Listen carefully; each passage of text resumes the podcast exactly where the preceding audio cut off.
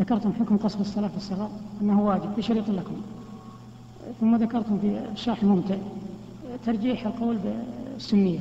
نعم. أن حكم قصر الصلاة في الصغر أنه سنة نعم. فما الراجح لديكم الآن؟ وما الدليل على ذلك؟ الراجح أنه ليس بواجب. أن قص الصلاة في السفر ليس بواجب. وأن قول عائشة كانت ركعتين فزيد في صلاة الحضر ثم أقرت صلاة السفر على الفريضة الأولى ما ليست تريد أنها مفروضة لكن تريد أنها لم تز... لم, لم تزد ويرجح هذا أن الصحابة رضي الله عنهم لما أتم عثمان في منى صلوا خلفه. وهذا كالإجماع منهم على أن القصر ليس بواجب لأنه لو كان واجبا ما جاز أن يصلوا خلفه أربعا. فهذا هو الذي تر- ترجح لنا أخيرا أنه سنة مؤكدة وليس بواجب.